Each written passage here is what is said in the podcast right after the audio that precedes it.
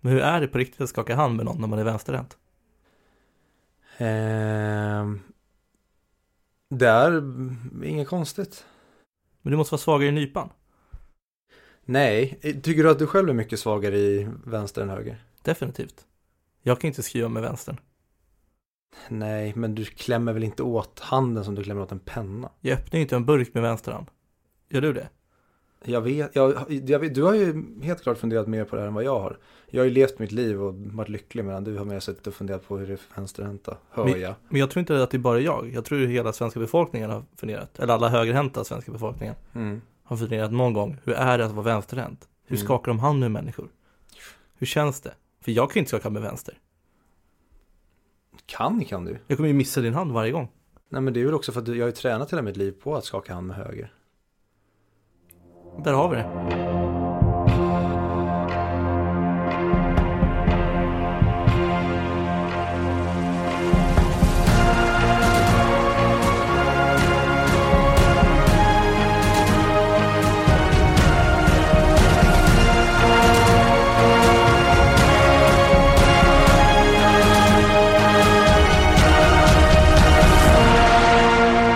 Hej och välkomna till 100 Mick-podden.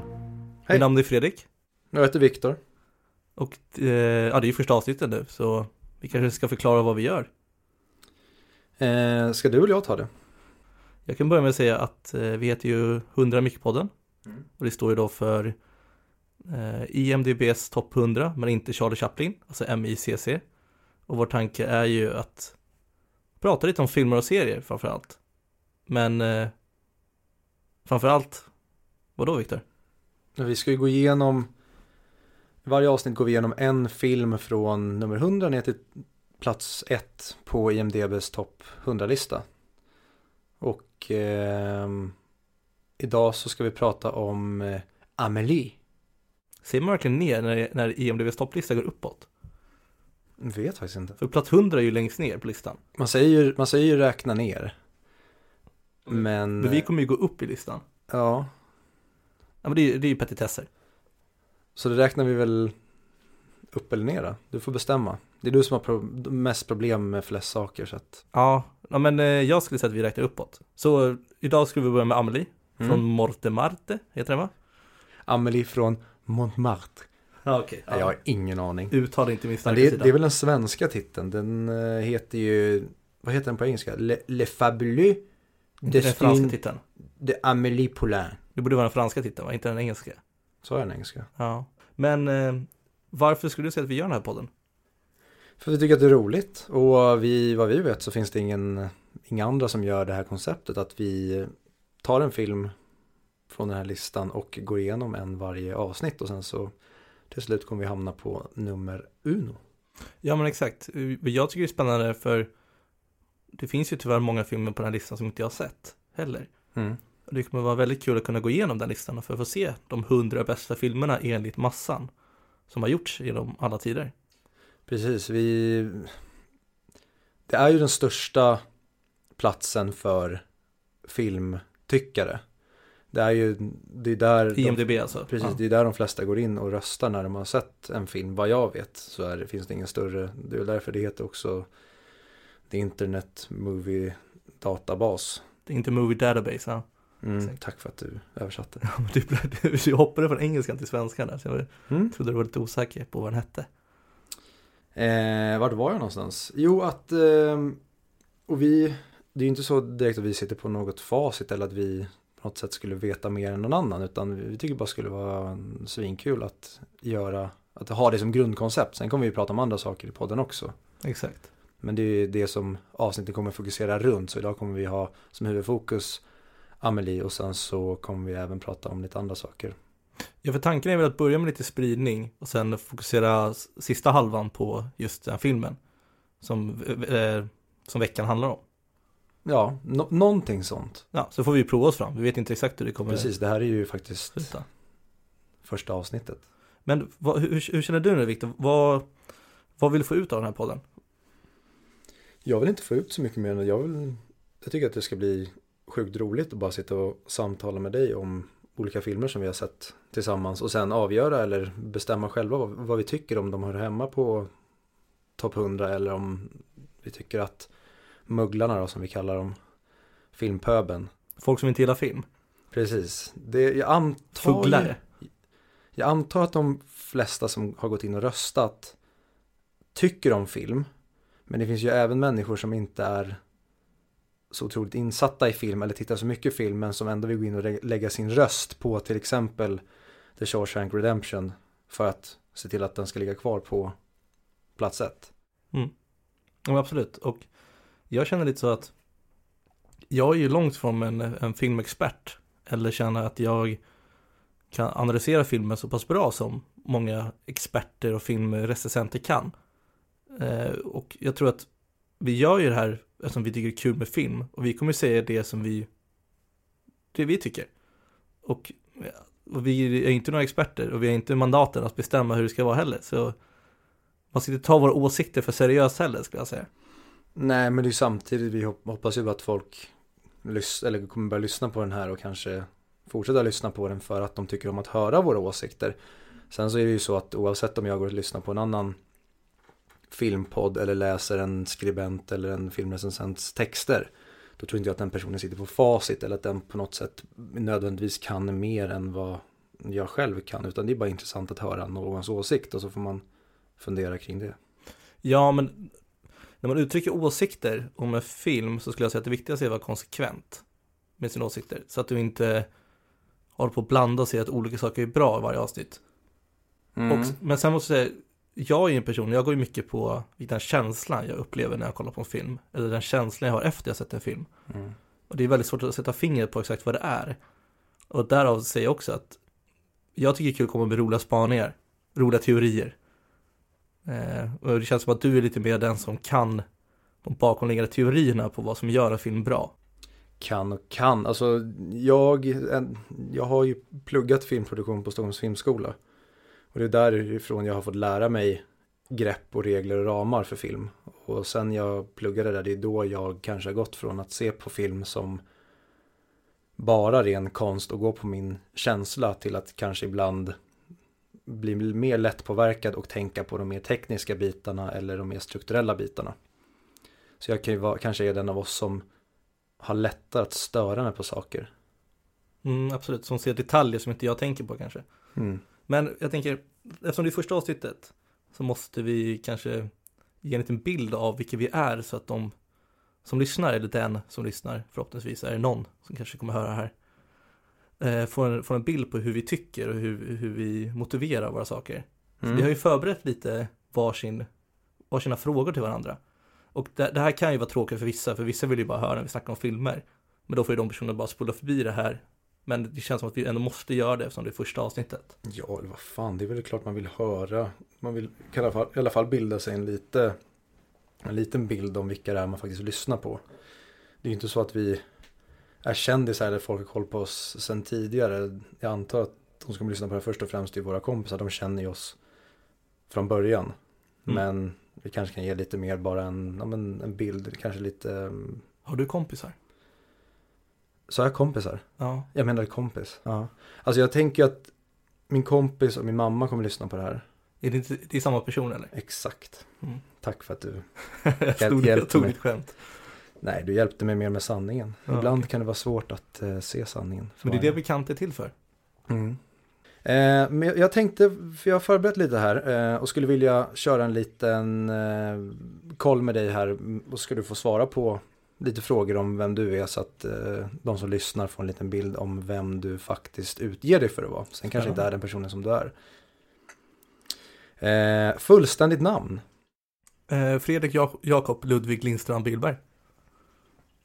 Var kommer mellannamnen ifrån? Jag skulle heta Ludvig först. Men sen såg jag mer ut som en Fredrik tydligen. Mm. Du var inte så söt. Tvärtom väl? Och du tycker att Fredrik är ett sötare namn än Ludvig? Ja, det finns ju mer framgångsrika Fredrikar som är söta än Ludvigar. Framgångsrik? Vadå, så dina, när du kommer dina föräldrar bara, jävlar vad framgångsrik han ser ut. Ja. Det här är Friedrich. Ja, men sen jag är ju en fjärdedels tysk också. Så Mm. Fredrik är ju lite av ett familjenamn. Jag förstår. Och var kommer Jakob ifrån? Jag vet inte. Du vet inte. Nej, Du har aldrig frågat. Du har varit rädd för att veta. Nej jag tycker inte det är så intressant. Nej, okej. Jag är hemskt ledsen att jag frågade. Eh, när och var är du född? I Tyresö? Nej jag vet inte vart jag är född, på något sjukhus. Vet du inte vilket sjukhus du är Ja, men född? kanske BB eller vad fan heter det? Du är född på BB. jag vet inte. BB är en plats. Jag, det här är så, alltså, det är så onödig information för mig att veta känner jag. Nej, jag, jag, jag, det är sådana grejer som jag tyckte var intressant när jag var yngre. Sen har det bara suttit kvar, jag minns det från då. Men du minns, du vet inte vilket datum eller så? Tror, tror du att lyssnarna kommer tycka det är kul att höra vart jag är född någonstans? Vilket sjukhus? Nej men bra, svara sen kan vi gå vidare då. 17 juni, någonstans på något sjukhus. Ja, okej. Det, här, eh, det här kommer vi återkomma till. Okej. Jag ska få veta vad. Men eh, ja, du är född på i orten BB, var det det du sa? Ja. Jag förstår. Eh, vad gjorde du helst under din uppväxt? Oj. Jag gillar eh, allt från att idrotta, spela handboll mycket. Eh, jag gillar också dataspel. Vad mer gjorde jag? Ja, alltså det, jag har levt länge. Tänker när jag var jätteliten eller tänker du nu? Älskar du att bygga med lego? Mm. Nej, du kan liksom köra en eh, från vaggan till idag. Alltså vad gjorde du helst under tills du var tio? Eller det, det spelar egentligen inte så stor roll. Det jag mest var intresserad av och höra vad hade Lego, du för filmer, intressen? spel. Jag, jag är en tävlingsmänniska. Jag älskar leka och spela allt. Mm. Så det fick jag göra så mycket som möjligt. Låtsaskrig. Spelade, lekte mycket med vapen. Mm. Hur tror du det har format dig? Alltså jag har ju alltid tyckt det var intressant med militäriska strategier. Eller strategier generellt. Sen så har jag aldrig velat vara med i lumpen eller armén själv. Mm. Jag tycker inte krig verkar vara så kul i verkliga livet. Nej, jag är sällan man hör någon som säger det. Ja, Fan vad kul det var att kriga. ja. Sen finns det ju de också men. Ehm, kan gå in lite på filmspåret då. Vad har du för favoritfilm? Och Om du inte kan nämna en, nämn några du tycker väldigt mycket om. Alltså en som jag vet att jag tycker om väldigt mycket. Jag tycker det är svårt att välja en favoritfilm, för det beror väldigt mycket på humör och vad man vill se för något. Men vi säger så här, du sitter med en pistol mot skallen och säger sista filmen innan jag knäpper dig Forrest. Gump skulle jag säga då. Den tycker Mm. jag är väldigt bra. Bra, då skjuter vi dig innan du får se den. Hade jag sagt om jag var terrorist, men Gillar du inte Forrest Gump? jo. Ja. Men jag gillar bara att bygga, bygga upp förhoppningar och sen avrätta folk. Ja, okej. Men nog om mig. Ja. Nu ska vi gå tillbaka till dig. Ehm, favoritserie all time? Det var ju Dexter fram tills sista säsongen och sista avsnittet framför allt. Vad hände där? Ja, allt gick fel. Men det kan vi ta en annan gång. Alltså det är Ja. ju, åh, den hade typ såhär nio i betyg på IMDb, den hade typ fyra. Har den det? Ja, eller fem kanske. På grund av sista säsongen. Det Jag, sen. jag kan ju förstå det. Jag är ju också en person, jag älskar ju serien Lost. Den är ju fruktansvärt bra, Mm. tycker jag. Eh, Men inte felfri. nej, eller nära, nära fel, felfri. Mm. Men eh, Lost är nog de serierna faktiskt som faktiskt har haft ett riktigt bra slut. För jag menar, annars kan man ju lätt vända sig till Game of Thrones. Eller Sherlock Holmes. Sherlock Holmes kanske? Det är Mm. nog en väldigt bra serie. Den väljer jag nog. Mm. Fair enough. Ehm, Får jag bara eh, motivera mig också att Game of Thrones och många liknande serier har väldigt, eh, har tyvärr väldigt dåliga slut. Och det förstör lite av serien när man, när man blickar tillbaka, så, precis som Dexter. Och Dexter är ju verkligen ett särexempel på det. Eh, därav Sherlock Holmes, för det har inte riktigt haft det slutet än som kan lyckas förstöra serien. Det känns ofta som att det beror på mer att, mer att de ville avsluta och det blev vad det blev. Än att de faktiskt hade det som tänkt avslut. Det känns som att... Inte Nu- Dexter. Dexter hade de tid, men de valde fel inriktning bara. Är det så? Eh, alltså jag vet inte om de vill göra fler säsonger, men de, det, alltså skillnaden med Game of Thrones är ju en, det är mycket som ska utspelas där. Mm. Med Dexter så är ju varje säsong handlar om någonting nytt. På ett annat sätt. Mm. Eh, men nog om Dexter. Mer om mig. Eh, du får en miljon dollar. Men kostnaden är att tio barn dör i Kina. Vad gör du?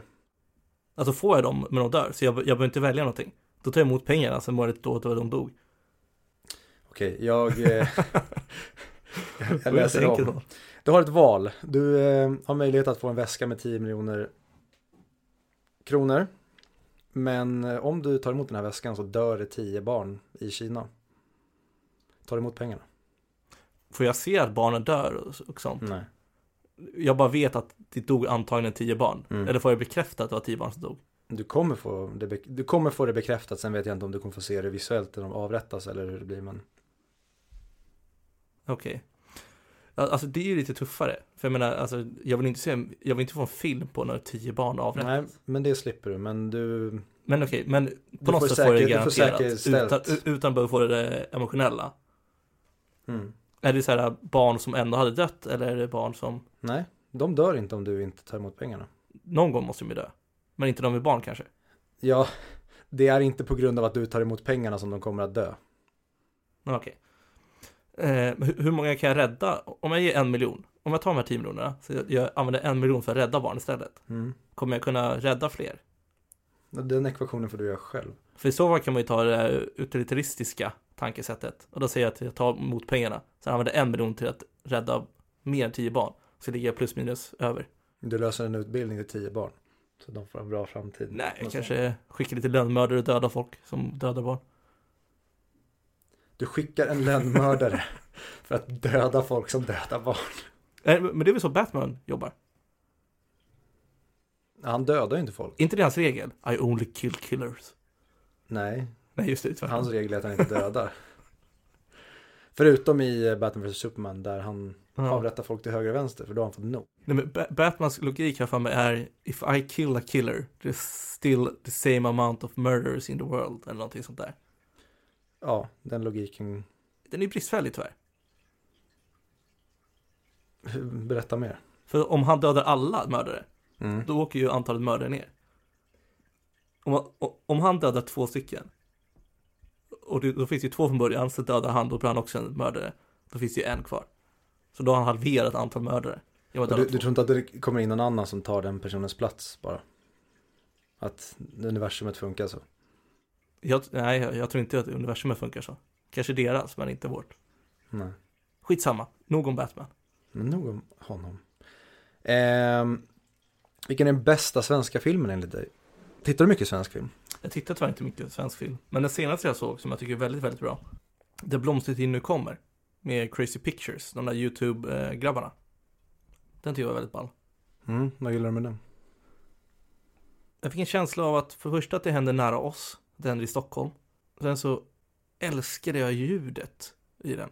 De hade tydligen suttit med ett norskt ljudteam i en biograf i två veckor om inte mer. Bara för att få, få till så att ljudet blev så bra som möjligt i den här filmen. Och det Mm. märks när man kollar på det. Ja, det är bra. Jag, en scen som jag tycker är svinmäktig, det är ju när han spelar sin konsert. Mm. Otroligt bra. Mm. Det känns, och det känns ju också som att hela deras storyline, han och, och, och hans kärlekshistoria, jag, jag vill inte gå in på det för mycket, Mm. att det, det känns, det känns verklighetstroget också på något sätt. Mm. Ja, jag är inte lika såld på den, jag tycker den är svinball. Men som film tycker jag inte att den håller så bra. Nej men jag tror också är lite för att de har gjort det med så pass låg budget och fått att fixa alla effekter själva på ett väldigt kreativt sätt. Och det förhöjer också min, eh, min kärlek till den, till den Mm. filmen. Mm. Sista frågan då som jag har skrivit ner. Eh, vad har du för influenser i livet? Vad är saker som inspirerar dig? Ska jag säga Matthew McConaughey svar? Mig själv om tio år. Nej, jag vill inte hålla på sådär. Alltså, vad som influerar mig? Alltså Mm. en person eller, Vad inspirerar dig? alltså vad som motiverar mig är ju att växa. Att ha någonting att sträva efter. Att ha, jag har, jag har ett världskänt uttryck är gamification. Och det är ju alltså det här när du kanske skapar en profil så har du, ja du i 75% av din profil. Gör det här för att få hela. Mm. Att du har en bar att fylla i. Köper det svaret? Jag kan acceptera det. Och där, eh, Du jag kan tycker... acceptera det. Det är inte upp till mig, det är upp till lyssnarna. Vad Jag, menar du med det? jag är bara du kan budbäraren. acceptera det svaret. Nej, jag har inte lagt, jag lägger inte jättemycket tyngd i mitt, I din respons. det svaret. Nej. Utan mer att du har passerat godkänt, sen ska jag kolla igenom det här provet. senare så kommer du få veta om du får GVG eller MVG. Okej, fair enough. Tror du att lyssnarna har fått en bra bild över hur jag tycker om filmer och hur jag är som person Efter... ingen aning. Ja, det, är svårt. det är svårt för mig att utvärdera mina frågor som jag ställt till dig och de svaren jag fick på mina frågor. För att jag vet inte fan hur frågorna var. Men jag tänkte, det är någon slags bild har de fått i någonting. alla fall. Ja, annars kommer vi ju märka vart eftersom Mm. när vi pratar, om vi nu får några lyssnare. Mm. Det hoppas jag. Min mamma har lovat att lyssna. Ja, bra. Då har vi i alla fall en. Eh, men kul. Ska vi då övergå till eh, mitt test, eller det som jag har utformat för att ge en bra bild av vem du är och vad du gillar för något. Mm. Okej Viktor, är du redo för lite förhör? Kan du snälla säga ditt namn till lyssnaren? Eh, Lars Fredrik Viktor Östermar Landegren. Kul, tack. Ålder? 26, komma- skit i det. 26, snart 27. Intressant att du valde att gå in på detaljer och säga komma. Mm. Jag tänkte bara att jag, att jag tänkte att det var 10 månader på ett år. Men så kom jag på, just det, fan det finns ju två månader till. Varför ansåg du, du att det var viktigt för lyssnaren? Det gjorde jag inte. Okej, intressant. Eh, men bra. Vad gör du idag? Förutom att spela in podd. Eh, jag är eh, castingregissör på en eh, castingbyrå i Stockholm. Kul. Mm. Eh, vad har du gjort innan? Har du pluggat? Jag har pluggat på Stockholms filmskola, filmproduktion. Och det är väl egentligen det jag har gjort fram tills det här jobbet. Sen har jag pluggat lite andra saker, jobbat med andra saker. Men eh, det är det jag har jobbat med de senaste tre åren. Håller du på med någon idrott eller har du gjort? Spelat korpenfotboll. Eh, har spelat eh, handboll tidigare, men inte längre. Bra. Då går vi in på del två i mitt för.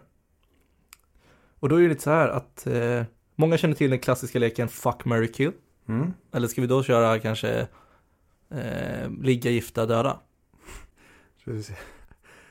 Jag tror du skulle använda andra termer för de sakerna. Okej, nej men vi, vi kör det. Men jag kommer då alltså välja tre filmer eller tre serier som du får välja mellan och då gärna motivera varför du tycker så. Mm. Okej? Eh, om vi då börjar med tre stycken serier. Mm. Så du får välja en som du får, ska ligga med. Alltså metaforiskt då, såklart. En som du ska gifta dig med och en du vill döda. Mm. Så jag ska alltså inte göra de här sakerna med Blu-ray-skivorna? Eh, då har vi då Breaking Bad. Vi har serien Lost. Och vi har Band of Brothers. Fuck, marry, kill. Eh, Band of Brothers såg jag typ... Hur många säsonger är det? En. Är det bara det? Kanske är sett en, tio avsnitt. Jag tror jag har sett fem avsnitt då. Eh, men det var ingenting, jag tyckte den var lite seg. Dock var ju det här fem år sedan kanske? Vänta nu, har du, har har du inte sett alla Band of Brothers? Nej. Tycker du att Band of Brothers är seg? Jag minns det så. Så den väljer jag på döda. Eh, och sen var det Lost och Breaking Bad. Jag skulle nog vilja ha ett förhållande med Breaking Bad. För jag tycker det är en serie som den, håll, den har väldigt hög nivå från start till slut. Det är en serie som jag helst nog ser om oftast. Och jag tänker om jag ska behöva leva i ett förhållande med den här serien så blir det den. Men Lost är jävligt kul. Den har jättemycket roliga saker men den går väldigt upp och ner i nivå så jag känner att det skulle inte vara så jäkla stabilt att leva med den här serien. Så att den skulle jag gärna ha som ett eh, one night stand och ligga med. Kanske en gång då och då vara otrogen eh, Mm. mot Breaking Bad. Men mm, Den skjuts borta macka liksom. mm. Mm, jag förstår. Jag vill förresten ta tillbaka innan du frågar mig om min favoritserie. Jag kommer nog faktiskt vända mig mer till Band of Brothers då, än Sherlock som jag svarade. Eh, Ja, du bytte ju där. Det kändes inte som du hade någon. Nej, men Band of Brothers skulle jag säga faktiskt. Mm. Nu när jag, fick, när jag har fått tid att tänka över eh, svaret. Okej, tre nya. Okej, den här kommer vara svår för dig tror jag. Drive, Requiem for a Dream och In Bruges. Oh. Mm, det kanske vi ska nämna att det är tre av mina favoritfilmer. Inte mina tre favoritfilmer men det är tre av mina. De skulle komma högt upp. Du hade ju lätt kunnat ranka de här tre på topp 100-listan.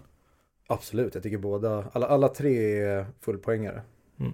Eh, men jag skulle nog... Jag skulle nog döda, även fast Requiem for a Dream är min, en av mina två favoritfilmer. Den, det, oh, Ja, då skulle jag nog sätta den på döda för den är så fruktansvärt jobbig att titta på. Så då kan vi lika gärna göra oss av med den. Eh, Drive skulle jag nog... Mm. Svårt det blev. Mm. Bra. Eh, Får vi se vilken karaktär du är.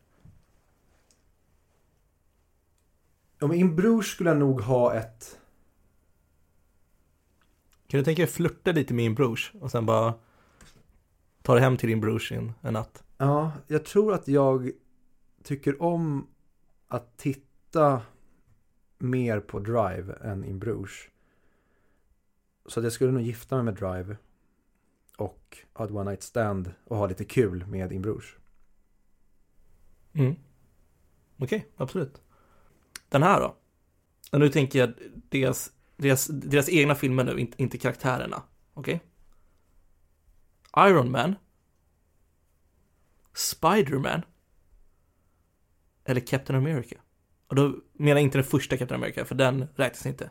Utan jag menar Winter Soldier och eh, Civil War heter den va? Nej men ta, pratar vi filmer nu eller? Du, för jag tyckte du hade något när du var inne på Iron Man, Spider-Man och Captain America. Att du går på Origin-filmerna. Ja men origin-filmer, det är ju orättvist, för Captain America är ju ökänd som den sämsta av dem. Ja, det är du som har valt den. Ja men då kör vi karaktärerna istället. Nej men kör Winter Soldier då. Ja, vi, vi, vi kör Winter Soldier, eh, Spider-Man och Iron Man. Och då menar jag de senaste, Mm. inte med Tobey Maguire. Va, jaha, så du tar Spider-Man Homecoming? Ja, Tom Holland. Ehm, då skulle jag döda Spider-Man Homecoming. Varför det? För det tycker jag är den sämsta av de filmerna. Även fast jag tycker om, den är, den är Tycker du Andrew, vet han? Andrew Garfield. nej det är, oh, ska, vi, ska du ta The Amazing Spider-Man? Vadå, men tycker du att han Spider-Man? Homecoming med Tom Holland. Ja, men vadå, tycker du att den andra är bättre? Alltså Tobey Maguire Om jag, ska, tycker om, jag ska, om ra, mest. om jag ska ranka Spider-Man-filmerna eller och även karaktärerna. Då är ju Tobey Maguire och Sam Raimis Spider-Man-film högst upp. Ja. Sen eh, kommer Spider-Man Homecoming tvåa. Och långt, långt, långt, långt, långt ner bort, inlåst, kanske misshandlad, torterad i många år. Där sitter Andrew Garfields och vad heter han? Mark Webb, tror jag det är som är regisserat. Där sitter den filmen och bara mår förjävligt. Och sen kliver jag rakt in med en stor en stor spett bara och kör den rakt in i halsen på Andrew Garfield. Väldigt målande bild. Mm. Men tror, jag, det är en bedrövlig film. tror du att Mark Webb fick eh, rollen bara för att han hette Webb? Eller inte rollen, utan uppgiften. Äran att göra Spiderman. Med, ta- med tanke på usel den är så skulle det inte förvåna mig. Men Det kan ju ha varit så. mitt ärliga svar så tror jag nej. Ja, Okej, lite oärliga svar. Ja. Men eh, då vill jag gärna höra. Men okej, du får välja Spiderman själv. Det gör vi väldigt enkelt. Du får välja nu. Karaktärerna. Iron Man, Spiderman, Captain America. Ja, Karaktärerna. Alltså, då, då pratar vi om Robert Downey Jr.'s Iron Man. Ja, Vad heter Captain America skådisen? Det står helt still. Chris någonting. Chris Evans, väl? Nej? Jo. Jo, Chris Evans. Eh, Chris Evans, Captain America och eh, Tobey Maguires. Fast igen, där, eftersom alla är med i MCU, de två, då får, kanske vi ska ta Tom Hollands. Vi tar Tom Holland. För Tom Holland är fortfarande bra. Även om man, man inte tycker att den är lika bra som Tobey Men han är Maguire. charmig. Det är... Han är jävligt skön grabb. Mm. Eh, jag skulle döda jag skulle döda Tom Holland eller den, eh, den hans Spiderman. Även fast jag tycker om den. Han är charmig som sagt. Jag skulle, Ja, alltså du kan ju döda folk som du tycker om också. Så det är okej. det, här är ju, det här är ju frågan också. För att jag skulle kunna sätta in Iron Man. Han skulle vara mycket roligare att ha ett one night stand med. För att han är mycket roligare. Men jag skulle inte ha kanske ett så stabilt liv med honom. Kanske inte så bra att gifta mig med honom. Men samtidigt, jag tycker Captain America är ganska tråkig. Så jag skulle nog inte ha kul en kväll med honom. Men jag skulle ha ett jävligt stabilt liv. Men ska jag bara ranka det från att jag tar att Mary är det bästa. Fuck. Nej, alltså det, det är ingen rangordning. Nej, okej. Nej, men då, även fast jag tycker om Tony Starks, eller Robert Downey Jr.'s Tony Stark väldigt mycket. Så skulle jag ta honom och ha kul med en kväll och eh, Captain America att bilda familj med. Okej. Hur många barn skulle ni ha? Inga. För att det kom fram att vi båda var sterila. Ja. Men ni kan ju adoptera. Eller, var, eller varför uttryckte du att ni skulle bilda familj just? Men vadå, jag och han kan väl vara en familj? Jo, absolut. Behövs väl inga barn? nej, men tyckte det var bara var intressant uttryckt. Att bilda familj. Då antog jag att ni skulle ha barn. Okej, vi gifter oss då. Ja, tack. Tack för att du förstörde våra familjeplaner. Den sista då. Mm? Jag tror att den här kommer vara ganska lätt. Men jag, jag vill ändå höra hur du tänker. Star Wars, Harry Potter, Sagan om ringen. Star Wars, Harry Potter och Sagan om ringen, pratar, då pratar vi om filmerna. Filmerna, absolut. Eh, och då om vi ska räkna med hela...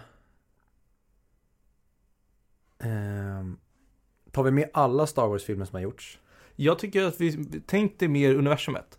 Tänkte mer själva världen, inte just filmerna specifikt hur de är utformade. Mm. Ehm, ja, men jag skulle absolut gifta mig med Sagan om ringen för det är den dels den världen och även de filmerna som jag håller högst och som har varit med mig under hela uppväxten och som jag tycker fortfarande att Sagan om ringen-trilogin är den bästa filmserien som gjorts. Eh, och sen skulle jag nog sätta Jag ska döda Harry Potter. Jag älskade Harry Potter-böckerna när jag var liten. Men inte lika stort fan av filmserien. Den är bra. De gör ett gediget jobb men jag tycker ändå att den har fortfarande, det finns mycket potential där som går till spillo. Så den skulle jag nog, ja men då skulle jag döda och så skulle jag ha en rolig kväll med Star Wars. Just för jag tycker att originaltrilogin, eller i alla fall Episod 4 och 5 är två av de bästa filmerna som gjorts. Sen tycker jag Episod 6 är Den är bra men den går också fel på många punkter. Och sen tycker jag att prequel-trilogin, ja den behöver jag inte ens förklara. Den har otroligt mycket brister. Och eh, de nya filmerna Disney Wars ska vi inte ens prata om. Så att eh, de kan vi ha kul med. Men jag skulle inte palla med och leva ett liv med det som Star Wars har blivit. Bra. Jag accepterar ditt svar. Tack! ja, det var bra. Eh, men jag, jag, jag tänkte, jag har några till frågor. Mm. Men tänkte, innan så vill jag övergå till fem snabba. Mm. Jag presenterar två saker för att bara välja. Mm. Okej? Bara, bara väldigt enkelt. Mm. Film eller serier? Oh! Tanken är att vi ska gå snabbt nu. Ja, jag vet, men det där var... Jag vet inte. Okej. Så du, du, du kunde välja mellan två alternativ du... Kan jag, få, kan jag få testa göra någon slags utläggning? Det är väldigt svårt med tanke på, hade du frågat mig för tio år sedan, då hade jag sagt film alla dagar i veckan. För att det, att kunna bygga upp en karaktär en film och en, en värld på cirka två timmar plus minus en halvtimme är otroligt imponerande när det görs väldigt bra. Men jag tycker nästan mer om att grotta ner mig i en otroligt bra serie där man får följa med en karaktär som byggs upp under en längre tid. Så det är egentligen två typer av otroligt goda maträtter som jag egentligen inte kan välja mellan. Men eh, film får jag nog landa på. Mm. Det var tur, annars hade vi varit tvungna att prata om topp 100-serier istället. Det tagit jävla tid att kolla om Ja, helvete. alla dem. Okej. Bröd eller korv? Korv. Okej. Intressant. Ledin eller Håkan? Håkan. The Golden Globe eller The Oscars? Oscars. Fredrik, Fredrik och Filip eller Sigge och Alex? Varför sa du inte som de... uh, Filip och Fredrik. Vi sa ju båda tvärtom. Mm. Ja, bra, det var med flit. Då har jag mina, min sista, Mm. min sista grej till dig, min, min sista uppgift till dig Viktor. Mm. Finns det någon film som du hade önskat att de hade gjort en välproducerad serie av istället och vice versa? Ja, åh. Jag har jättemånga sådana här. Eh, Harry Potter skulle jag gärna se en tv-serie om. Och kanske gå lite mer följa böckerna. För det finns väldigt mycket, kanske inte onödigt kött egentligen. Men som jag gärna hade sett vara med i en tv-serie från böckerna. Men det hade också varit då att de skulle kunna fånga böckernas känsla. Eh, det motsatta känner jag för Sagan om ringen-serien. Jag kommer självklart se den tv-serien de kommer göra. Men det är också så här, det känns inte som att en tv-serie om, om det som händer i Midgård känns nödvändigt alls. Sen vet jag att de kommer inte gå, det är ingen remake, de kommer inte göra Sagan ringen, två tornen och Konungens återkomst. Men äh, jag vet inte, det är, det är ingenting jag tycker behövs. Eller är speciellt sugen på. Men jag kommer att se det. Absolut. Men det var allt från mig. Nu hoppas jag att de har fått en bra bild av oss två. Ja, du... Jag gick ju lite mer personligt än vad du gjorde. Du hade ju mer en rolig trivia-stund. Men det är bra att vi inte kom med samma grejer.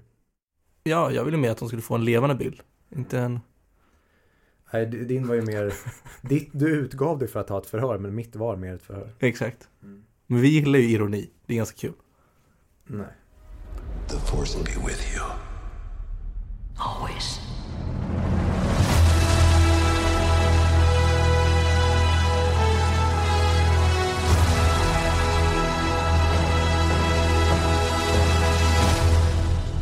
Jag har en teori, Viktor.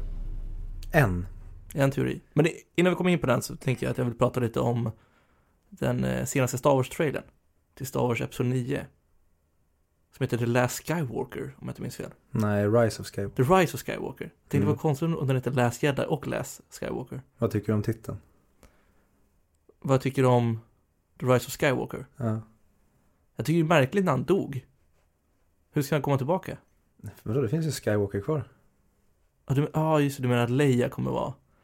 Ja, hon, ja, det, det tänkte, men jag tänkte på uh, Ben Ren. Ja, du, du, du tänker att han är Skywalker? Han är en Skywalker. Han är väl mer solo? Han är 50% Skywalker. Jo, jo. Det kanske, hela filmen kanske bara handlar om att han går till, eh, till myndigheterna och byter namn. Och det är problematiskt. Ja, ifall, ifall det är Darth Sidious som styr myndigheterna. För han är ju tillbaka nu, om du inte har sett det. Ja, eller vi har inte fått se honom men det tyder ju, allting tyder på att han på något sätt överlevde det där kastet ner i soptunnan. Men så är det väl lite med Star Wars. Kan man dö i Star Wars? Disney har gjort det med Star Wars för att Darth Maul ramlade också ner och dog. Men eh, sen dök han upp som en animerad spindel i eh, Solo. Ja. Härligt det där. Animerad spindel. Ja. Jo, och sen så... Jag tror ju att Hans Solo kommer tillbaka. Han blir ju bara huggen. Och ramlade ner. Ja, Ja. ramlar ner. Varför ramlar alla ner i Star Wars när de dör? Ja, det, det vet fan. Men det är faktiskt jävligt sant att alla som han inte ser, Qui-Gon Jinn, han kan inte komma tillbaka för honom har ju eldat. Men han ramlar också ner. Nej. Nej, Han, han blir huggen i magen. just det, han ramlar inte ner. Så ligger han bara sen så bölar Obi-Wan när han har besegrat. Vilken- Eller, han har inte besegrat Darth Maul, han har tillfälligt. Disarmat. Ja, exakt. Avväpnat. Först så högg han hans lasersvärd i tu, sen högg han honom i tu. Men eh, Darth fick det sista Darth. Som eh, Obi-Wan kallar Darth Vader i Episod 4. Darth. Kallar, kallar man Sitherna för Darth? Säger man inte deras, är inte det som att säga typ generalen? Hej på dig, generalen. Men känn, de känner väl så Det varandra vet så jag pass. för det, ibland säger de ju Vader, och ibland säger de Oh no, it's Darth Vader. Lord Vader. Ah, Lord Det, Vader. det kanske är att han, det kanske är ett hån. Det har jag aldrig tänkt på. Han kanske hånar honom genom att säga Darth. Ja, för det är också en grej med de nya, att det är ingen som är en riktig, vad heter det, en Sith. En Sith. Det är väl ingen som är en jedi heller. Nej, men det är för att de har försvunnit. Luke är en jedi. Mm. Om, om du har gått i ide, varit borta väldigt länge, sen kommer du tillbaka och tror att du ska jobba med samma grej som du har gjort, men marknaden har utvecklats, ska du fortfarande kalla dig för det yrket då? Alltså, en jedi är ingenting du förlorar. När du blir en jedi så är du en jedi för evigt skulle jag säga. Om du inte avsäger i titeln. Jag vet, jag trodde bara du skulle triggas av det. Eh, nej, men så det kommer vara kul att se nya. Se vilka Skywalker de menar och vad de menar med Skywalker. Vad har du för förväntningar för nya? För Inga nya alls. filmer? Det Disney har gjort med Star Wars har tappat mig helt. Dels så tycker jag de i första filmen gick fegt och egentligen bara gjorde en, eh, en hyfsat lik kopia av Episod 4 och sen så tycker jag att eh, de gick, jag vet inte, någon, någon var extremt packad som höll i rattarna. Skyller inte på Ryan Johnson, kan lika gärna varit, vad heter hon, Kathleen Kennedy. Ja, som eh, mer producerad. Men Episod 8 där bara, var det bara att, nej jag vet inte fan vad det var som hände. Och eh, sen så Rogue One tycker jag inte heller är någon, där ska de såklart alltså göra, de ska väva in en sidofilm i huvudplotten. Gör en film om någonting annat istället för att vi får se hur ritningarna kom till rebellerna. Och det tycker jag att de inte gör tillräckligt väl. Och solofilmen tyckte jag var superunderhållande att se på bio tills de får för sig att blanda in Darth Maul som enligt huvudstoryn är död. Sen, ja, ja, bla bla bla, jag vet att det finns massa comic books och tv-serier där han kommer tillbaka som en jävla robotspindel, men det skiter jag i. Och jag tycker inte man blandar in det. Så där också tyckte jag de gick fel och tycker egentligen inte de har gjort så mycket rätt. Det finns såklart intressanta och bra grejer med det Disney har gjort, men över det hela så är det bara Disney Wars. Och det här är ett levande bevis på att min teori stämmer än så länge. Att eh, Vad var din teori? Har du sagt den? jag har inte sagt det än. Mm. Så nu är det dags. Nu åker vi snart. Mm. Sätt på dig säkerhetsbältet. För nu kommer vi gå, nu går det fort. Jag har inte på med sånt skit. Ryan Johnson, vad tycker du om han? Älskade Looper. Det är Looper den enda filmen jag sett med honom. Eller genialisk honom. Ja, den är fantastisk. Många säger ju att Ryan Johnson aldrig ska få regissera en film igen efter Star Wars. Att, eh, att han inte förtjänar det. Att han förstört Star Wars. Ska få, men att han inte ska få regissera film överhuvudtaget. Överhuvudtaget. Ja, det är problematiskt eftersom hans nya film Knives Out kommer ju äh, gå på Stockholms filmfestival. Det, det finns folk som säger det i alla fall. Mm. Och jag säger emot. Jag säger att Ryan Johnson är ett geni. Mhm. Och det kommer bevisa för dig nu. Okej. Du har ju sett Episod 5. The Empire Strikes Back. Mm. Jättebra film. Min favorit tror jag. Mm. Och eh, filmen börjar ju väldigt enkelt på att de är på eh, snöplaneten. Som heter Hoth. Stämmer. Eh, där så, de åker runt, håller på att kolla hur planeten är, för de har precis kommit dit, verkar det som. Och vill säkerställa att de är säkra på planeten. Det går ganska bra. Rebellerna håller på att fly undan eh, Imperiet. Eller Empire, borde vara Imperiet va? Det är du som har läst engelska. Ja, exakt. Det är svårt med översättningarna. Eh, och det går väldigt bra, de är hoppfulla. Till slut så lyckas en, eh, en, eh, en Empire Droid, spaningsdroid, hitta dem. Mm. Vilket då skickar flottan dit. De märker att de är på väg. Och de måste fly undan. Eh, Imperiet. Så filmen börjar med mycket hopp, precis som då Episod 8, The Last Jedi också börjar. Hur började det med hopp? Och det är här det kommer in nu. Skillnaden vad Ryan Johnson har gjort är att han har satt oss, publiken, in i karaktärernas i femmars perspektiv. För precis som Episod 7 är en kopia av Episod 4, eh, vi, vi har ju eh, ja, nya karaktärer presenteras, de är på Sandplanet, eh, de måste fly undan, de träffar nya karaktärer, de, helt plötsligt är det en ännu större dödsstjärna de måste förstöra. Allt är Mm. väldigt, väldigt likt. En av de gamla visa karaktärerna dödas. Ja, exakt. Mm. Oerhört identiskt. Ryan Johnson tänkte, hur ska vi kunna slå det här? Vi kan inte bara kopiera Episod 5. Men det var det han gjorde ändå. Man kopierar inte filmen. Eller hur karaktärerna beter sig. Han kopierar hur vi som åskådare känner oss. För precis i början, som, som jag precis förklarade när vi är på planeten. Hur börjar den filmen? Jag kommer inte ens ihåg det. Vilken av dem? Episod 8. Episod 8 börjar med att de ska förstöra deras planet och de ska fly undan från den här planeten. Så det är också väldigt snarlikt. Men det, han, eh, Pope, flyger upp till ett stort... Pope? Ja, Påven? Nej, Pope. Poe. Poe heter han. Förlåt. Att Poe flyger upp och... ja, nu, från och med nu är han påven för oss. eh, The fi- Pope. Filmen börjar med att de ska fly undan och Poe flyger upp till eh, ett skepp och sen börjar dra din, din mamma-skämt och massa andra parodier. Och man tänker att åh, det svider till lite, men man tänker ändå att jag har förhoppningar. Den här filmen kan bli bra. Vi måste bara fly undan det här äh, elaka, Mm. dåliga. Precis som karaktärerna känner i början av episod 5 att okej, det, det börjar bra men det skiter sig lite nu. Imperiet har hittat oss, men vi, vi kan fly undan. De har förhoppningar. Eh, och sen, i och med filmen går, Luke eh, lyckas också komma undan, flyger till, till eh, The Dagobah System, där han träffar Yoda och blir utbildad som jedi. Mm. Innan han då bestämmer sig för att hoppa över utbildningen för att åka och rädda sina vänner som också håller på att fly undan Imperiet.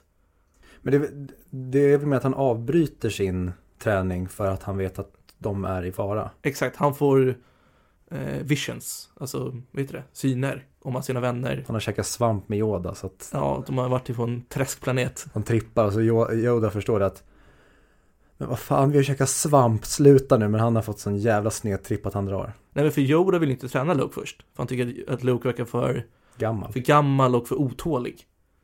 Eh, vilket han hade rätt också i, eftersom han avbryter sin träning för att fly.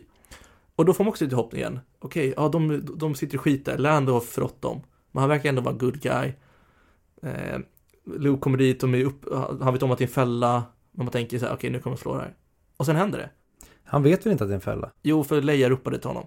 Så efter han har landat där så vet han om att det, någonting står på tok. Jo, men ha, det, han vet väl inte om att det är en fälla? Nej, nej, det vet han inte eftersom hon säger det till honom. Exakt. Så när han landar får han reda på det i alla fall. Mm. Så det, går, det är hela tiden ett spel, så man tror fortfarande att de, de kommer kunna övervinna det här. Det här Mm. kommer sl- sluta bra, tänker man. Precis som man hoppas på i Episod 8 under filmens gång. Och det som händer sen är ju då att Hans Solo blir nedfrusen och tagen till eh, Jabba the Hutt. Eh, Luke tappar sin hand och får reda på att hans far är, vad var det du beskrev honom som? Rymd-Hitler. Som rymd-Hitler ja. eh, Och sen så, de lyckas precis fly undan. Hans Solo blir fångatagen. Luke tappar sin hand. Och man ser i slutet hur det här, nu, nu är det mörkt. De är inte glada, de har mycket att kämpa över. Eh, och det här, Ryan Johnson är geniet. Han sätter oss in i karaktärens perspektiv. Han låter oss följa deras resa i Episod 5. Fast nu i Episod 8. Det, man kommer in i biografen, man har sett, precis sett sjuan. Igen kanske.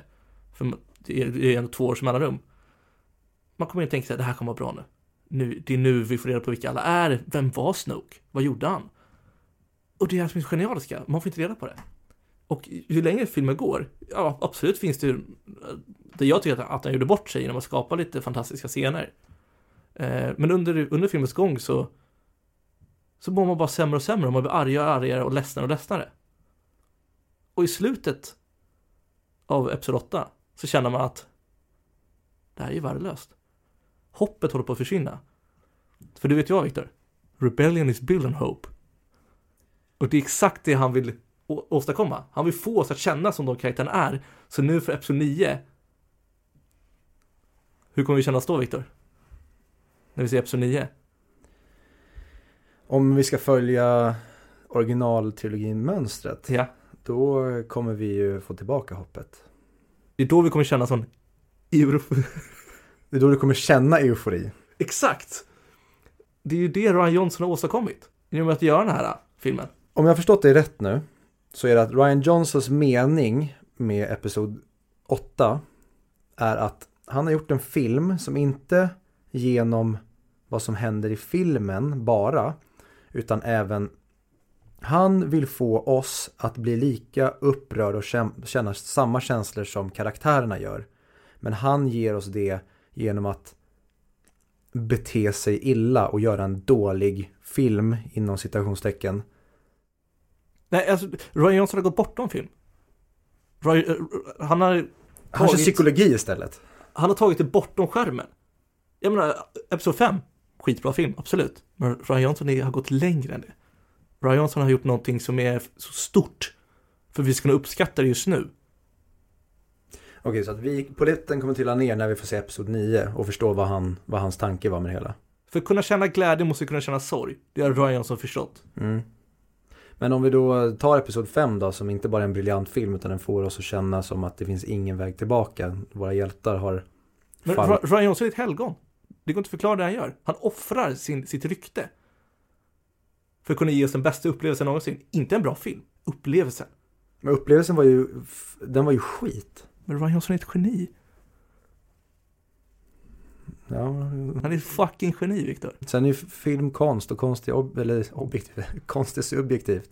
Så att det finns ju många som inte håller med dig och mig och tycker tvärtom. Att vi är dumma i huvudet som tycker att det är en usel film. Men Ryan, Johnson är ett geni.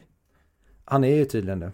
Sen eh, får vi ju se det den 18 december om hur mycket av ett geni han var. Ryan Johnson kommer att kliva ut den 19 december. Dagen efter den premiär. och- ställa sig framför publiken. Och säga I told you so. Även Du- fast han inte har regisserat filmen vi Du ska kommer se. sitta där med, med tårar. Och be om ursäkt för alla elaka kommentarer du har skrivit.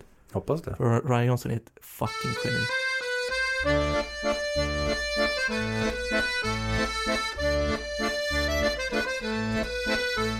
Då ska vi prata om eh, Eller som eh, originaltiteln är. Nu ska jag se så att jag inte våldtar det franska språket här med mitt, eh, mitt uttal. Le fabuleux destin d'Amélie Poulain. Jag tycker det var väldigt vackert. Amelie, den ligger, det är ju den första filmen obviously som vi pratar om. Den ligger ju på placering 100. Hade du sett filmen innan vi kollade på den? För vi kan säga att vi, vi såg filmen tillsammans. Mm, jag såg den för en eh, herrans massa år sedan. Ungefär, hur många år är det skulle du säga? Kommer inte ihåg, men mycket, mellan fem och sju år sedan. Jag tänker att det är, det är väsentligt, och, alltså hur din åsikt har förändrats. Det är ganska väsentligt om du såg den när du var 15 eller när du såg den när du var 25. Mm. Eh, men eh, det var ju första gången för mig. Mm. Och du hade ju, mina förväntningar inför filmen, de var ju inte så jättehöga. Varför? Dels för att du sa innan vi såg filmen att du hade gett den en tvåa av tio Mm. första gången du såg den. Och att det, med den informationen och med tanke på att det är en fransk film, det är alltså dubbat. Dubbat? Ja. Nej, det är inte dubbat. Nej, tvärtom, förlåt. Och med tanke på att det är en fransk film, alltså att de pratar på franska där det inte är dubbad Mm. eh, och det är inte engelska skådespelare. Så tänkte jag att det här kommer vara en väldigt märklig film och svårt att tycka om. Så jag hade väldigt låga förväntningar. Mm. Men sen samtidigt så ligger den på topp 100 så jag tänker någonting måste den ha. Mm.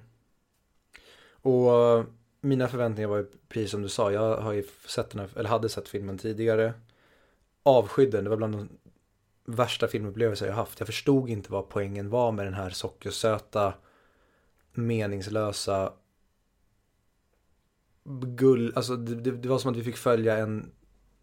Nej, jag, jag, jag bara avskydde den. Du hade också låga förväntningar då den här andra gången. Precis, jag klev ju in med att ja, det kommer vara precis samma sak den här gången. Vad hade du för förväntningar första gången du såg den? Eh, men då, då vet jag att jag var inne i en period där jag försökte ändå plöja en del topp 250 filmer. Så då hade jag väldigt höga förhoppningar plus att en av mina en av mina polare som jag brukar prata film mycket med hå- håller den här som en av de bästa filmerna någonsin. Så då hade jag väldigt höga förväntningar på den och det kanske ett bidrag till att jag sen tyckte att den var Men katastrofal. det var ju lite som att du, att du ville vara en väldigt så här, en fin vinsmakare. Men du var lite för ung för att tycka om vin. Så du ville ge dig på de här fina märkena men egentligen så tyckte du inte, du kunde inte njuta av det riktigt än. Mm. Du började växa lite i ditt filmtittande. Mm. Eller så tyckte jag att det skulle vara kul att sno den här eh, den här väldigt omtalade spriten från farsans eh, spritskåp och så hade jag en snedfylla istället för en rolig fylla. Så egentligen båda hade väldigt låga förväntningar Mm. när vi klev in. Ja. Vad hände sen? Sen satte vi oss och eh, såg filmen och jag skulle nästan säga, inte riktigt, men jag skulle nästan säga att eh, jag har vänt 180 grader. Jag har vänt typ 160 grader för jag, jag tycker att det är en fantastisk film. Bland de mest ambitiösa sätt Alltså bland de mest ambitiösa set vad säger man? Alltså, Du, du, du, En av de mest ambitiöst dekorerade filmerna jag sett. Exakt. Fotot är mums. Det är en himla vacker film. Mm. Det är så mycket färger. Verkligen. jag, tycker, jag blev också väldigt positivt överraskad. Jag tycker att franskarna nästan gjorde det bättre. En sån här film. Mm. Det, det är lite synd att, att, att man är tvungen att läsa eh, subtitles. Mm. Eftersom man vill gärna se eh, alla fina scener och alla fina färger. Mm. Och det, det är ju tyvärr, det, eller tyvärr, det är ju en film som den, den har väldigt högt tempo framförallt i början Mm. när den etablerar mycket. Och det är väldigt svårt att hänga med i det som visas när du samtidigt måste läsa texten när det går väldigt snabbt. Så det är verkligen en film som jag skulle vilja se om hyfsat snart igen så jag inte behöver fokusera så mycket på vad som faktiskt händer utan mer titta på tavlorna som var, varenda bildruta faktiskt är. Vad var det som talade till dig i den här filmen, förutom de här fina färgerna?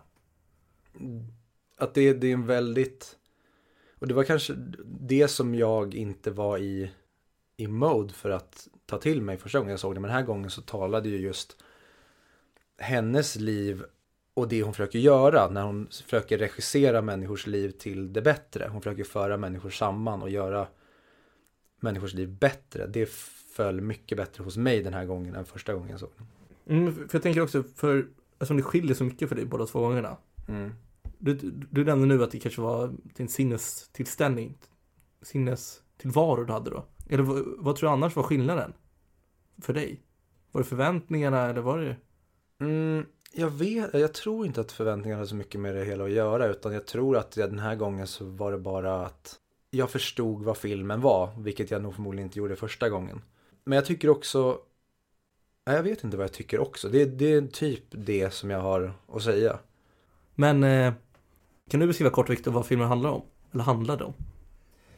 Filmen handlar ju om eh, Amélie Poulain som eh, har vuxit upp, eh, man får egentligen följa hennes resa från födseln till vuxet liv i, i början av filmen. Men det handlar om Amélie Poulain som vuxit upp eh, utan andra barn tillsammans med eh, sina föräldrar, varit hemskolad och lever livet i sina fantasier och genom filmer istället för att gå ut i den riktiga världen och leva bland riktiga människor. Mm. Och sen får man då följa henne när hon Hennes jakt på, på kär, dels på kärlek men även hur i hennes liv hon väljer att regissera och ändra om andra människors liv för att hon tror att det kommer vara till deras fördel. Hon, hon märker att hon mår väldigt bra av att göra andra lyckliga, så hon vill göra andra, andra människor lyckliga. Mm. Hon tar sig rätten att bestämma vad andra människor skulle vara lyckliga av. Och ja, det är egentligen det det handlar om. Mm. Mer så behöver vi inte säga. Nej. Jag tyckte ju att den här filmen Den talade till mig. Jag, jag, jag blev genuint lycklig av att se på den. Mm. Jag med.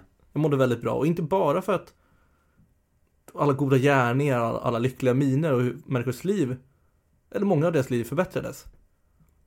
Men också de, alla fina färger och musiken som du pratade om. Alla skruvade karaktärer. Ja, exakt. För jag menar, så, så har jag också märkt i, i verkligheten, eller i riktiga livet.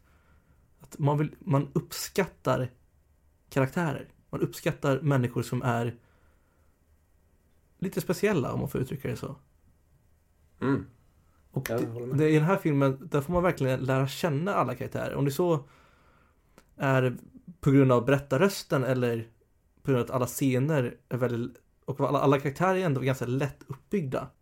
Men de är samtidigt så pass älskvärda, trots sina brister. Mm. Eller kanske på grund av sina brister. Exakt, ja, mycket bättre, på grund av sina brister. Mm. Det håller jag med om. Och Ja, vi, vi båda låter, låter som att vi tycker ungefär samma om den här. Ja. Ehm, så vi kanske, var det någonting eller är det någonting med filmen där du tycker att som du inte tycker om eller där du tycker att den kunde gjort bättre eller där den går fel eller vad känner du att den har gjort, går den rätt i varje liten melodi? Jag tycker, om inte människor har förstått det så kommer det innehålla spoilers nu också. Jag vill bara säga det. Ifall att det kan vara någon som har gått ovetande genom hela Jag avsnittet. tycker, jag tycker ändå vi har hållit oss hittills ganska bra med att inte berätta för mycket om själva filmen. Sen är det en film som är Dels så är den inte Den Det- det tar inte så stor skada, ja, precis, den tar inte så stor skada av spoilers. Sen finns det inte egentligen så mycket att spoila. För den, det, det är en väldigt händelserik film. Ehm, och den Den egentligen, det är mest, jag skulle säga att det är känslan som är filmens starka kort. det är inte det som händer i filmen. Exakt, den här filmen spelar på känslorna. Mm. Det kan vara därför också den verkligen talar till mig. Det är Men- därför den verkar vara väldigt, väldigt, eh, en, en- det verkar vara en väldigt stor vattendelare mellan folk. För att när man har kollat recensioner och vad folk tycker så är det väldigt många som står i det lägret som jag stod i från början. När jag hade sett den första gången, att det är väldigt många som avskyr den här filmen och verkligen tycker att det är bland det sämsta de har sett. Och sen finns det också ett läger som tycker att den är helt fantastisk. Kommer du på några, för jag läste också de här eh, folk som gav kritik till filmen. Att det var lite för mycket gulligull och att eh, det var en person som Alltså en insane girl som var inne i sin egen värld och försökte bara hitta kärleken till någon snubbe som jobbar i en po- porrbutik. Mm. Var det någon mer kritik som du så, så vi kan bemöta, även om det inte är vårt jobb? Men det många sa var ju att den här filmen är helt meningslös. Ja. Att den egentligen inte har Just någon det. typ av struktur. Att, utan att det är bara en, den är ganska mycket kaos. Det är egentligen mycket kn- knasiga scener. Som liksom läggs ihop. Till exempel att många grejer. Som ett exempel är när hon eh, stjäl sin pappas eh, trädgårdstomte. Och börjar ta foton på den i olika backdrops. Som att trädgårdstomten är ute och reser. Och de tycker att den delen är helt meningslös och inte säger någonting alls utan det bara ska vara någon, någon, något, något komiskt stick som inte håller alls. Typ sådana argument är det många som har. Att det är väldigt mycket meningslöshet i filmen. Tycker du det? Håller du med? Varför inte? Men för att det, alltså de, de bygger ju de bygger ju upp det väldigt snyggt under, under en lång tid. Att karaktären etableras i sina dåvarande states. Sen är det typ som att Amelie är regissören i deras liv. De börjar vid en punkt och sen så börjar hon ändra om saker. Vissa saker mer subtila, vissa saker mindre subtila. Men som gör att deras liv förändras på ett eller annat sätt. Sen faller, jag tror att alla människor som hon väljer att gå in och, och röra om. alla, alla människors liv som hon väljer att gå och röra om i förändras till det bättre. Ja, för hela filmen, där jag tror så att hon är som en regissör i deras liv. På sätt och vis, kaféscenen känns lite som en pjäs. Om man slår ihop alla de scenerna, tycker jag. Café, hon jobbar ju på kaféet, så vilken kaféscen? alla kaféscener. Om man slår ihop dem så känns det som en stor pjäs som spelar, spelar där. Eftersom man får inte följa de personerna utanför kaféet. De är bara där. Ja, de flesta får man ju inte följa. Viss, vissa får man ju följa bara utanför kaféet och vissa får man bara följa i kaféet. Exakt. Så det är ju, de andra karaktärerna korsar inte varandra på samma sätt. Det är väl först när hennes kille kommer till kaféet som man får se. Mm, det hade jag inte tänkt på men ja absolut, det ligger nog någonting i det. Ja, det var, det var en spontan känsla jag fick nu. Ja. Vi kan gå in lite mer i, i detalj på den. Eh, men jag tänkte kolla, har du sett några andra filmer från samma regissör? Nej, det har jag faktiskt inte. Han heter ju Jean-Pierre Junot tror jag uttalas. Eh, Många franska filmer va? ja, han har ju regisserat, eh, vet du vilken film Delikatessen är? Ja, det är också en, en Ja, det är den disken på Ica va? det är där du hänger. Det är där man kan köpa goda saker. Mm. Exakt. Ja, Den. det känner jag. Eh, men till exempel den filmen har, har han regisserat. Jag har inte sett den filmen, däremot när jag pluggade film så vis, hade vi en eh, lektion i, med en lärare som gick igenom mycket, eller visade många scener från den. Mm. Men jag har ingen helhetsbild, men det är, den lilla smaken jag fått förutom det här av Jean-Pierre. Mm, okej. Jag, jag har inte heller sett någon film från honom. Eh, vet inte heller om jag kommer göra det. För det här känns ju som att det är hans kron, hans flaggskepp som film. Mm. Delikatessen har jag, av allt jag läst och hört så ska den vara fantastisk. Då kanske jag ger ett försök också. Eh, bra. Men det som jag framförallt tyckte om den här filmen. Det var den här, eh, man fick en känsla verkligen av att de levde i en liten, liten håla. En liten håla, en liten by eller stad. Alla kände alla. Alla ville bara må bra. Och det var en riktig feel film för mig. Mm. Mycket feel good känner jag att det är. Men det som jag också tycker den här filmen gör väldigt bra, där man också, musiken till exempel. Musiken är otrolig. Men den hade lika gärna, hade man lagt på till exempel en helt annan sinnesstämning i musiken. Ta att den hade varit ja, men deppig, mer åt det mörka hållet. Då hade ju den här filmen lika gärna kunnat porträtteras som en film om en psykiskt sjuk person. Men de väljer att vända, göra den, liksom, den positiva berättelsen om den här väldigt speciella flickan. Och de här väldigt speciella karaktärerna i hennes liv. Men det är väl också det som gör det så himla bra filmen, att lite små redigeringar, klippningar, lite ändringar, så kan man få den att vara väldigt oroväckande film. Snarare än väldigt vacker och fin. Mm. Jag, jag hade gärna sett att, om någon hade klippt ihop och gjort en mörk version av det här. Där hon istället är psyksjuk. För det skulle jag nästan kunna argumentera för att hon är. Ja, för hon, hon har ju lärt sig allt hon vet från egentligen filmer och serier. Alltså, och sina egna fantasier. Det är därför hon, hon är lite speciell. Men, eh, för vi pratade innan om eh, svaga scener och kritik mot filmen. Mm. Det finns en scen framförallt som jag tror också du håller med mig om. Och det är ju när, när han kommer till kaféet, när hon har fått, för det är ju henne, de har ju hela tiden en, eh, ett spel mellan sig. Hon, Amelie och han killen som inte kommer ihåg vad han heter. Eh, och då, och då till slut får han adressen, möter med på det här kaféet vid den här tiden. Han vet inte hur, hur hon ser ut än. Och då är det så, det blir lite långdraget, det blir nästan för filmaktigt och för overkligt när hon står bakom och vägrar prata med honom. När hon står bakom den där glasväggen och så skriver upp menyn på den. För att hon fegar ur i sista sekund. När han konfronterar henne också. Exakt, och till slut säger- ja, börjar han prata med henne och frågar är det här du? Och hon säger nej först. Eller? Ja, hon, hon blånekar ju och säger att nej, det är inte jag. Så att hon, eh, hon går ifrån och vänder sig bort. Ja, och, Och liksom låtsas hålla på med någonting annat. Till att till slut det är en kollega till henne som går fram och istället börjar prata med honom. ja, för hon blir så rädd. Mm. Och jag vet inte, det passar inte in i filmen i det momentet som det händer tycker jag. Nej men innan tycker jag de har balanserat otroligt bra på en lina med att ha det här ändå förhöjda för att man köper inte, det här känns ju inte som en film som utspelar sig i verkliga livet. Nej.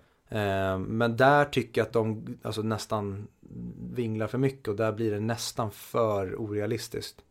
Från att de tidigare har hållit det på en ganska en nivå som man ändå köper. Ja, för där har man ju väntat in på att filmen ska gå till nya, nya nivåer.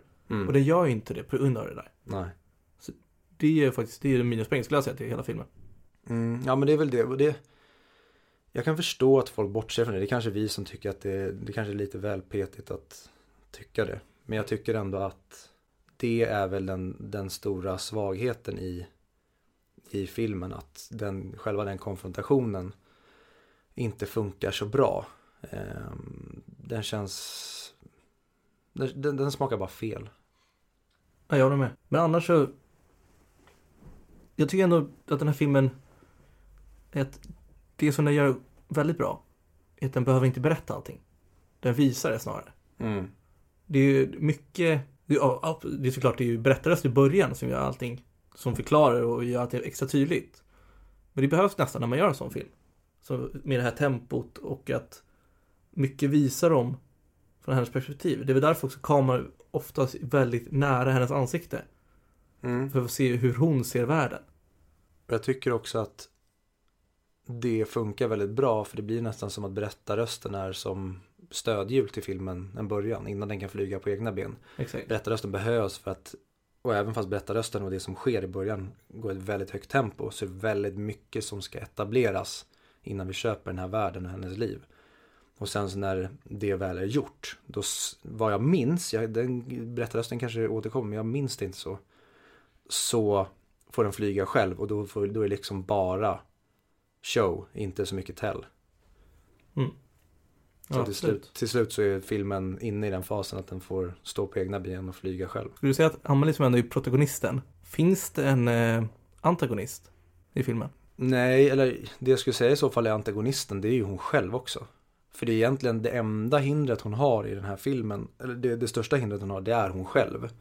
För det känns hela tiden som att hon brottas med sin egna sin egen världsbild och vad, vad hon vill göra och vad hon vågar och inte vågar göra. För att det är ju till slut hon själv som står i vägen för kärleken när hon till slut ger upp. När hon väljer att det här blev ingenting och kärleken var bara en illusion. Det gick inte att få det här vackra på riktigt. Ja, För det är ju stort, det är nästan inga hinder för henne i filmen. Nej men det är väl just det att det handlar inte så mycket om, om de hindren utan hon försöker sätta, alltså spela ut de här människorna som, som pjäser som hon själv vill. Samtidigt som hon, den här, en del av alla de här människorna som hon försöker hjäl, eller hjälpa och, och göra saker för är den här, heter, jag tror att han, jag för mig att han heter Nino. Det känner jag igen också. Och sen råkar det bli för att, att det är hon, han, han som blir hennes kärleksintresse. Mm. Men han är bara en av de här personerna som råkar dyka upp i hennes liv och som hon försöker göra någonting av. Men också det här att man får följa med på hennes fantasier och hennes äventyr. Mm. Hela den här saken med hans spöket som blir fotograferad av samma min. Att man verkligen får, de teasar med det. Mm. Att de, de, de till slut båda två får reda på vad det är för något. Och sen så är det inget speciellt. Nej. Det älskar jag på något sätt med filmen. Att det inte var någon gubbe som hade förlorat sin fru i en, någonting och ville ta bilder bara för att det var någon helig tradition. Eller vad det nu har kunnat vara, någon ritual. Mm. Utan det är bara en person som håller på att fixa fotobåsen. Mm. Och då tas en bild för att han ska testa att det fungerar. Att det, verkligheten är inte lika spännande som fantasin. Nej, men den är, verkligheten är precis lika vacker. Bara att den inte är lika my- mytologisk som fantasin. Exakt. För det, det gör ju inte det hela till någon, det blir inte mindre fint för det. Det är kanske bara inte lika mystiskt och spännande om man ser det rent ur ett dramaturgiskt perspektiv. Ja, för nu, nu tror jag jag överanalyserar det här, men för det- det blir ändå lite då att verkligheten blir också vad man gör den till. Mm. Fantasin behöver inte vara bättre. Mm. Verkligheten är bra också, men allting blir vad du gör det till. Mm. Istället för att, som då mycket av hennes liv har varit, att hon drömmer om hur livet ska vara. Så är det ju faktiskt en film om hur hon går ut och gör de här sakerna. Hon går ut och börjar leva. Hon slutar leva i fantasin och börjar faktiskt agera. Och ta sig ut. Och det också gör att hon växer som person. Ja, jag håller med. Absolut. Hur hade du reagerat som eh, karaktären Nino heter, heter killen i Amelie, va? Mm. Hur hade du reagerat om Amelie gav de här gåtorna till dig? Det är väl typ det mest smickrande som finns. Sen hade jag kanske, eftersom det pratade vi inte så jättemycket om, men det är ju alltså egentligen en film om en psykiskt instabil person som tar sig friheten att börja jiddra med andra människors liv. I en mindre positiv film så hade det här lika gärna kunnat sluta i katastrof, att hon förstör folks liv istället för att hjälpa dem. Till exempel när hon gör ett inbrott. Och börja ändra om i den här uh, frukthandlarns lägenhet. Mm. och får honom att tro att han är sjuk i huvudet. Ja, exakt. Det, det är ju, det är ju on, ren ondska egentligen att göra det. Men tycker inte att han förtjänar det. Nej men vem är hon att avgöra det? Vem är hon att spela Gud? Ja, och det är väl där jag tycker att det här, den här filmen hade lika gärna kunnat vridas till att bli en otroligt mörk historia om en psykopat. För hon Mm. är ju en psykopat. Mm, absolut. Bra, kul. Om, om du träffade Amelie i verkligheten, vad hade varit det första du frågade henne? Vad fan är det för fel på dig? Ja, jag trodde du frågade mig nu. Jävlar vad du gillar för den gåtan, den här frågan. Okej, då hade jag alltså frågat sen. Vad fan är det för fel på det? Men jag hade svarat så här. Jag blir så jävla upprörd av att du ställer den frågan. Aj, aj, aj, okej. Ja, men då hade jag frågat vad fan är det för fel på dig? Nej, jag hade väl kanske jag klappade dig på huvudet och frågat om det är någonting jag kan göra. För du verkar inte må så bra lilla flicka. Vilken karaktär skulle du säga att du mest... Vilken karaktär hade du, hade du velat byta plats med i den här filmen? Eh, ja men det måste ju ändå vara Nino. Men det är bara Men det är väl alltid kul att vara, alltså så här, om jag skulle få välja någon där så är det klart att man vill vara du vill vara en person som gräver efter sönderrivna du- foton ja, du under en menar- fotopås. Du vill jobba i en, i en porrbutik för du har inget annat jobb. Vad mer vill du? Jag tror du menar, alltså ja. Ja, jag vill jobba i en porrbutik, låt. Jag hade valt han eh, med svaga ben. Som var konstnär. Som satt i sin lägenhet. Han verkar väldigt fascinerande på något sätt. Mm. Han tilltalade mig. Mm. Men jag- nu när du la om det så, så absolut, inte Och- Nino. Jag hade kunnat bli polare med han i Mr Glass. Mm. Jag hade nog... Nej, men jag hade nog landat på samma. Det är ju inte så många karaktärer i den här filmen som, man, som jag liksom säger, åh han eller hon skulle jag vilja byta plats med. Utan det är ju skruvade väldigt Vem är mest trasiga. lik dig då? Skulle jag säga. Vem känner du att det här hade kunnat varit jag om någonting annat hade hänt i livet? Det är ju frukthandlaren. Det är Nino. Porrbutiken. Nej, han är ju mer lik mig. Ja, frukthandlaren hade jag faktiskt kunnat sett dig. Att du står och skriker åt någon som inte sköt sitt jobb. Mm. Börjar bara tortera en... Eh... Att du känner att du har makt för du får sälja frukt till folket. Exakt. Och börjar bara be- behandla folk illa. Och jag hade varit han frukthandlaren som är snäll och går runt och minglar med människor. Mm. Men som, all, som alltid klantar upp allting. Bra. Jag hade också kunnat vara han som jobbar i fruktbutiken som eh, dr- drömmer om att bli konstnär. Han som har handen i byxfickan hela filmen. Han som jag menar att jag var. Jaha, jag tror du menar att du var bara en, en positiv version av en frukthandlare. Okej, du menar alltså han Ja, jag som menar, är... ja, okej. Ja, nej men ja, faktiskt. Mm. Och ni som lyssnar, Oj. mamma, vadå oj? Vad sa du oj till? Ja, men det, var så långt. Mm. Ni som, ni som eh, lyssnar, alltså mamma och kanske Fredriks mamma också. Om vi har tur. Ehm, har ni liksom någon, någon idé eller någonting vi kan göra i podden? För ni vet ju, vi kommer ju gå igenom IMDBs topp 100 men inte Charlie Chaplin. Eh, och det kanske vi kan säga redan nu att när det, på placeringen där det kommer en Charlie Chaplin-film så kommer vi istället se och prata om en film som vi tycker förtjänar den placeringen eller hör hemma på IMDBs topp 100. Så att, eh, ja, då vet man vilka filmer som kommer komma och har ni någon idé om vad, eller något förslag på vad vi ska prata om eller någon, något som Fredrik pratade om, något tankeexperiment. Ja. Så är det bara skicka det till oss så tar vi gärna med det för det tycker vi bara är kul. Ja, vi vill ju få med er lyssnare, eller dig lyssnare, så mycket som vi bara kan i det här. För vi vill ju, vi vill ju involvera människor i det här projektet. Eller lyssnar då. Men det är så det heter också. Eh, Men jag skulle vi- vilja vara mer nyfiken på vad, eh, vad du sätter för, eh, vad du skulle sätta för betyg på den här. Och vi går ju väl, vi går väl enligt IMDBs betygssystem 1-10.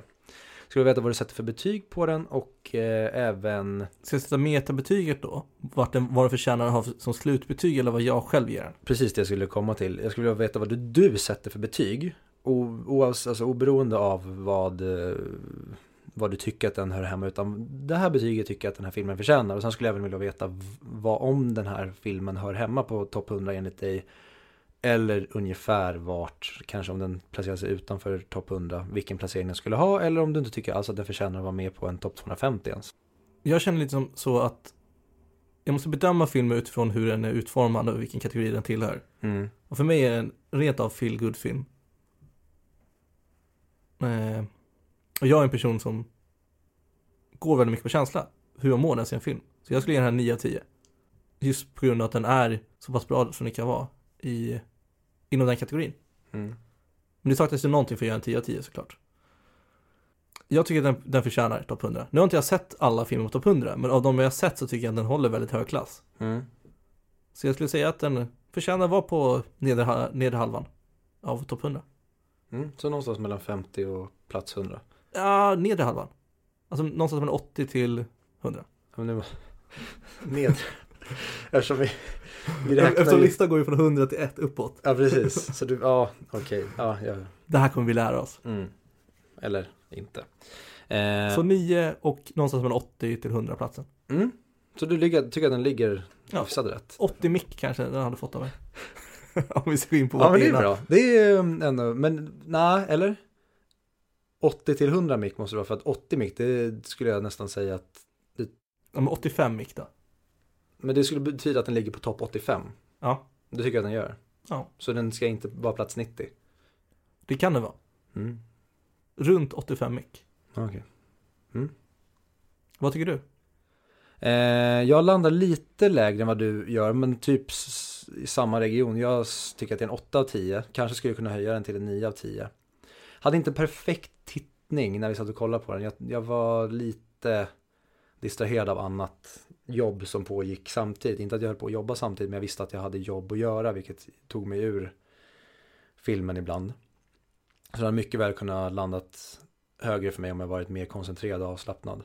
Men jag skulle, jag skulle säga att det är en 8 av 10, kanske till och med en 9 av 10, jag är inte helt säker, men jag brukar alltid sätta ett lägre betyg om jag är osäker. Och det är jag. Eh, jag tycker absolut att den hör hemma på topp 100, även fast jag säkert, jag tror att jag har 100 filmer som jag tycker är bättre än den här. Så det är fortfarande en unik film, den, det är en film som ingen annan och tycker absolut att den förtjänar att vara på topp 100, det är ingenting jag blir upprörd över. Och jag är ju totalvänt i min åsikt om det. Mm, det tycker jag var bra. Bra grej. Mm. Men eh, var det allt för, Det var Premiären. första avsnittet va? ja? Och jag tycker ändå att eh, om du har lyssnat och har kritik, för jag menar vi, vi kommer ju vara långt från perfekta nu första avsnitten. Eh, så har du några tankar, idéer eller några frågor eller någonting du vill att vi ska prata om? Så får du jättegärna höra av dig. Ja, och vi eh, välkomnar all konstruktiv kritik. Mm. För att, eller, fan, vill du säga att vi är helt värdelösa så gör det också, det skiter väl jag i. Jag kör på. Ja, men eh, hör hör gärna av dig med eh, feedback för vi siktar bara på att bli bättre. Ja, och sen så kommer vi då stå i detaljer vart du kan höra av dig. Men antagligen på Facebook, 100 mic podd, Mm. Instagram, mail vet jag inte om vi ska ha. Nå- någon, av, eh, någon av våra sociala medier är också bra. Antagligen så kommer det inte vara någon utanför vår krets som hör det här ändå. Nej, kanske Obama, Ja, han, han skrev till mig igår. Zlatan, Ja, han eh, svarar inte på mitt mail. Dr. Phil. Han gillar jag. Men vad bra. Tack för eh, Tack det för här oss. då. Det här var, var kul. Tack för bra jobb. Bra gjort. Tack. Hej. Och det här är vår resa.